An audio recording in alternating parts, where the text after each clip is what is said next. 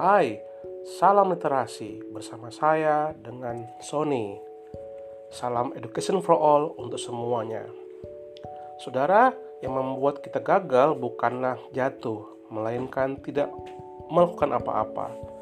Dalam Amsal 24:16 mengatakan sebab tujuh kali orang benar jatuh namun ia bangun kembali.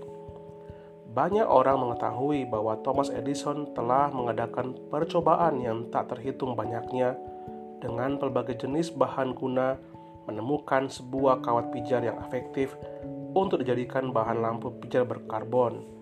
Setiap serat yang gagal digunakan dilemparkannya keluar dari jendela. Akhirnya, tumpukan hasil kegagalannya menjadi setinggi tingkat dua rumahnya.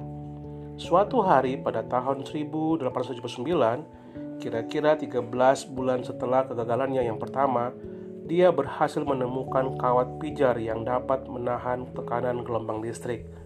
Beginilah ceritanya.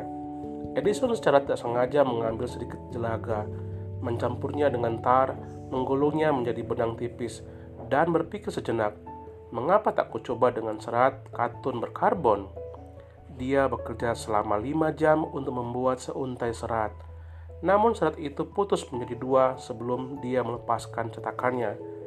Dia menggunakan dua kumparan benang katon sebelum menjadi untayan yang sempurna. Namun ternyata hancur pada saat dia mencoba meletakkannya dalam tabung kaca. Dia melanjutkan usahanya tanpa tidur selama dua hari sebelum akhirnya dia dapat memasukkan satu benang berkarbon ke dalam sebuah bola lampu yang hampa udara.